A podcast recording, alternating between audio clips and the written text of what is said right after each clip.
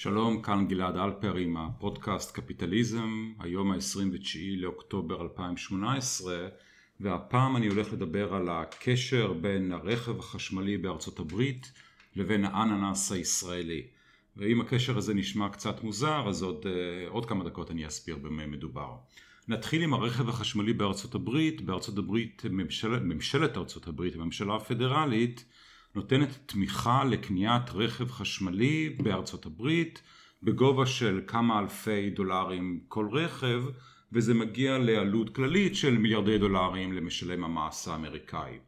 והתמיכה הזו נחשבת לתמיכה די לא הגיונית מכיוון שא' היא מסבכת את מערכת המס כמו שכל סובסידיה ולופ הול ודברים בסגנון מסבכים את מערכת המס והדבר השני שהוא באמת קצת מוזר זה שהסובסידיה הזו, התמיכה הזו, מגיעה לכיסו של המאיון העליון האמריקאי. כשמסתכלים על הרכבים החשמליים בארצות הברית, שלושת הדגמים הפופולריים ביותר כיום בארצות הברית, כלומר שלושת המודלים של רכבים חשמליים, הם שלושה מודלים של טסלה. וטסלה נמכרת בארצות הברית במחירים של BMW, מרצדס, אאודי וכולי וכולי, כלומר זה באמת סובסידיה שמגיעה מכלל הציבור האמריקאי לכיסו של המאיון העליון. לא הגיוני. וחוץ מזה עוד נקודה היא שהסובסידיה או התמיכה הזו השיגה את מטרתה.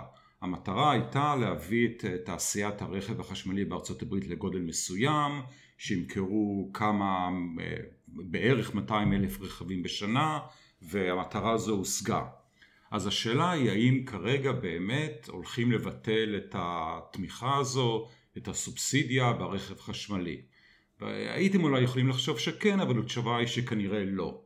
פוליטיקאים אמריקאים כבר מנסים להאריך את תוקף הסובסידיות האלה ל-2022 ואפילו יותר מזה. מדובר אגב גם על פוליטיקאים אמריקאים מהמפלגה הרפובליקנית, גם מהדמוקרטית, כלומר זו תמיכה חוצת תווים בסובסידיה מטופשת שמגיעה למאיון העליון האמריקאי. אז תשאלו את עצמכם למה דבר כזה קורה, למה סובסידיה כל כך לא הוגנת וגם שכביכול השיגה את מטרתה, למה מנסים להעריך אותה ולמה כנראה גם יצליחו. ובשביל להבין את זה צריך לחשוב על עיקרון אה, בכלכלה שהוא מאוד חשוב וגם מאוד מעניין, אם כי הוא מאוד מעצבן, והעיקרון הזה נקרא תועלת מרוכזת ועלות מפוזרת. מה זאת אומרת? זאת אומרת שהתועלת של מדיניות כלכלית כלשהי מרוכזת על ידי או מרוכזת אצל קבוצה קטנה של קבוצה קטנה יחסית של אנשים או של חברות אבל העלות מפוזרת על פני קבוצה גדולה מאוד לפעמים כל האוכלוסייה. וזה מקרה קלאסי כן? הסובסידיה לרכב חשמלי היא אה, דבר שנהנים ממנו כמה יצרנים של רכב חשמלי אין הרבה כאלה בארצות הברית בעצם טסלה ואולי עוד אה, שניים נוספים, אבל לעומת זאת העלות מפוזרת על כל משלמי המיסים האמריקאים. עכשיו הקבוצה הקטנה הזו של אלה שמוכרים רכב חשמלי בארצות הברית זה כמובן מאוד מאוד באינטרס שלהם שתהיה סובסידיה כמה שיותר גדולה כי זה הרי מטה לחמם.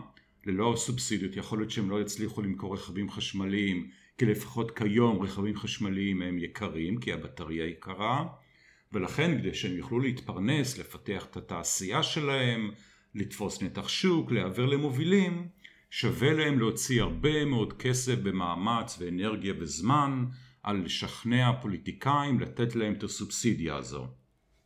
אבל כאמור יש את הצד השני שאלה הכלל משלמי המיסים האמריקאים שהם אלה שעל הכתפיים שלהם נמצא נטל המס והם כאמור יש להם קבוצה מאוד מאוד גדולה, מדובר בעצם על בערך 100 מיליון איש, לא זוכר בדיוק כמה אמריקאים משלמים מיסים. ויש להם הרבה מאוד בעיות אחרות בחיים. והעלות של כל רכב ורכב חשמלי לכל אחד ואחד ממשלמי המיסים היא קטנה. כן? כי זה בסך הכל מדובר על כמה מיליארדי דולרים ומשהו כמו 100 מיליון אנשים שמשלמים מס. אז פשוט לא שווה להם, אין להם את הזמן, הם לא הולכים להשקיע בזה אנרגיה ומאמץ, להילחם נגד הסובסידיה לתמיכה ברכב חשמלי. זו דוגמה מאוד יפה, עוד פעם, לעיקרון הזה של תועלת מרוכזת ועלות מפוזרת. עוד פעם, התועלת מרוכזת אצל קבוצה מאוד קטנה של יצרני רכב חשמלי שכדאי להם לעשות לובינג פוליטי ועלות מפוזרת על קבוצה מאוד מאוד גדולה של אנשים שיש להם צרות אחרות בחיים, חלקן גדולות יותר מנטל המס. אוקיי, אז אולי בנקודה הזו אתם שואלים מה הקשר בין כל הסיפור הזה לבין האננס הישראלי. והקשר הוא שהאננס הישראלי זה עוד דוגמה קלאסית לרעיון של תועלת מרוכזת ועלות מפוזרת. אני לא יודע כמה מכם, אלה שמקשיבים לפודקאסט הזה, ערים לזה, אבל האננס הישראלי הוא מאוד מאוד יקר יחסית לאננס שאפשר לקנות בחו"ל, באירופה ובעוד מקומות. הרבה יותר יקר.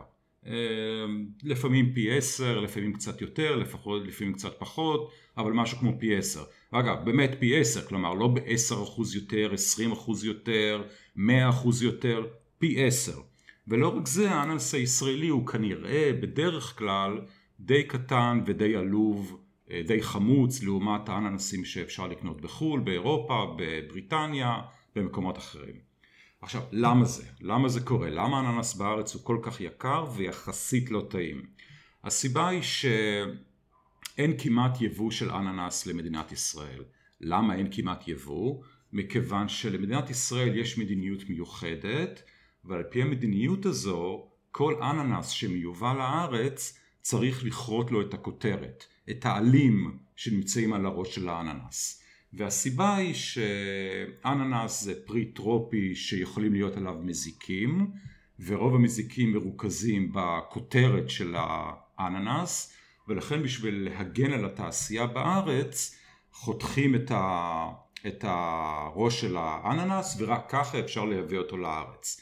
הבעיה היא שכשחותכים לאננס את הראש חיי המדף שלו מאוד מאוד מתקצרים ואז חייבים להטיס אותו לארץ וזה הופך את היבוא שלו למאוד מאוד יקר ולכן כמעט לא מגיע יבוא של אננס לארץ והרוב הענק של האננסים שאנחנו אוכלים, מי שאוכל אננסים, הם אה, גדלו בארץ. אז אה, אוקיי, אז, אז, אז, אז מה הקשר? מה הקשר כאן בין הקטע, בין הרכב החשמלי, התועלת המרוכזת והעלות המפוזרת לבין האננס? הקטע הוא כמובן שמי שמרוויח מהסיפור הזה הם אלה שמגדלים אננס בארץ, כן? מאחר שכמעט אי אפשר לייבא אננס לארץ כי היבוא הוא כל כך יקר, אה, אלה שמגדלים אננס בארץ, דה פקטו יש להם סוג של מונופול, והם כמובן מרוויחים מאוד מאוד, כלומר, הם לאו דווקא מרוויחים, זה לא שהם, כל אחד מהם אמור להיות מיליונר מאלה שמגדל אננס בארץ, אבל כעובדה זה מטה לחמם, ולכן מאוד מאוד כדאי להם להשקיע זמן, מאמץ וכסף כדי לעשות לובינג פוליטי בשביל לחסום את יבוא האננס לארץ. לעומת זאת העלות של האננס היקר והלא כל כך טוב נופלת על כתפיים של 9 מיליון או 9 מיליון ישראלים שרובם הגדול מאוד מאוד בכלל לא ער לבעיה הזו. יש להם צרות הרבה יותר גדולות בחיים. העלות לכל אדם ואדם היא בסופו של דבר קטנה מאוד. כי בסופו של דבר מדובר באננס, ולכן למגדלי האננס בארץ מאוד שווה להילחם על חסימת היבוא של האננס, ולאוכלי האננס בארץ, שזה נניח תשעה מיליון איש, בהנחה שכולם כאן אוהבים אננס, אה, העלות היא מאוד מפוזרת, ואין ארגון ואין מאמץ ואין מודעות, ואין מי יודע מה המוטיבציה להילחם בזה. וזה העיקרון הכלכלי שמסביר למה האננס בארץ כל כך יקר ויחסית לא טעים? כאמור זה נקרא תועלת מרוכזת ועלות מפוזרת. עכשיו, יש פה עוד שאלות כמובן.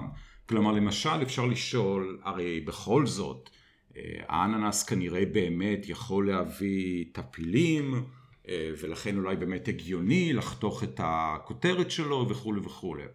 והתשובה לזה היא, א', שלמיטב ידיעתי, אין, אין, ישראל היא כנראה המדינה היחידה שיש לה את המדיניות הזו, שזה כשלעצמו מעורר כאן פעמוני אזעקה לגבי מידת הסיכון שהעלים של האננס אה, מחזיקים על מדינת ישראל.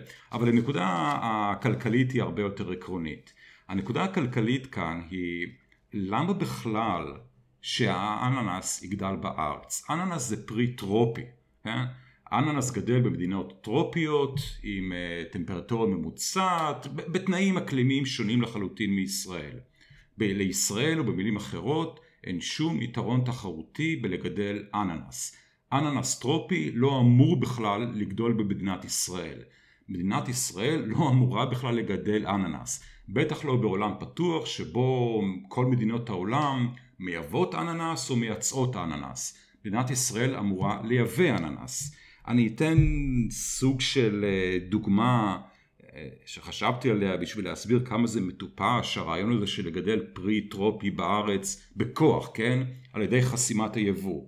והדוגמה שחשבתי שזה ההיגיון של גידול פרי טרופי בארץ הוא עקרונית זוהה, זהה להיגיון של הקמת תיירות סקי בארץ. כן, תאורטית אפשר לבנות הר מלאכותי בגוש דן, לכסות אותו בשלג מלאכותי, לאסור על ישראלים לעשות סקי באירופה או בארצות הברית, ואז תהיה תעשיית סקי בארץ. מבחינה כלכלית זה אותו היגיון כמו גידול פרי טרופי בישראל. הבעיה היא כמובן שאי אפשר לאסור על סקי בחו"ל וכולי וכולי ויש עוד כמה בעיות אבל כדוגמה כלכלית זו אותה דוגמה. אני, אני אעצור פה כי דיברתי מספיק זמן, הרעיון של תועלת מרוכזת ועלות מפוזרת זה עיקרון שמסביר הרבה הרבה בעיות במדינת ישראל, אני אעשה על זה פודקאסט אה, נוסף אה, שידבר אולי בצורה יותר כללית על תעשיית החקלאות בארץ, אבל תחשבו בעצמכם לרגע בראש, תדמיינו איפה עוד אפשר לדמיין אה, בתעשייה בארץ, בחקלאות, על מקרים של תועלת מרוכזת ועלות מפוזרת. רמז, תחשבו נניח על שוק החלב, שוק הביצים, כל שוק שבו יש קבוצה קטנה שמרוויחה הרבה מאוד מאוד ממדיניות כלכלית מסוימת, וקבוצה גדולה מאוד מאוד של אנשים שמפסידה ממנו. תודה ונתראה בפרק הבא.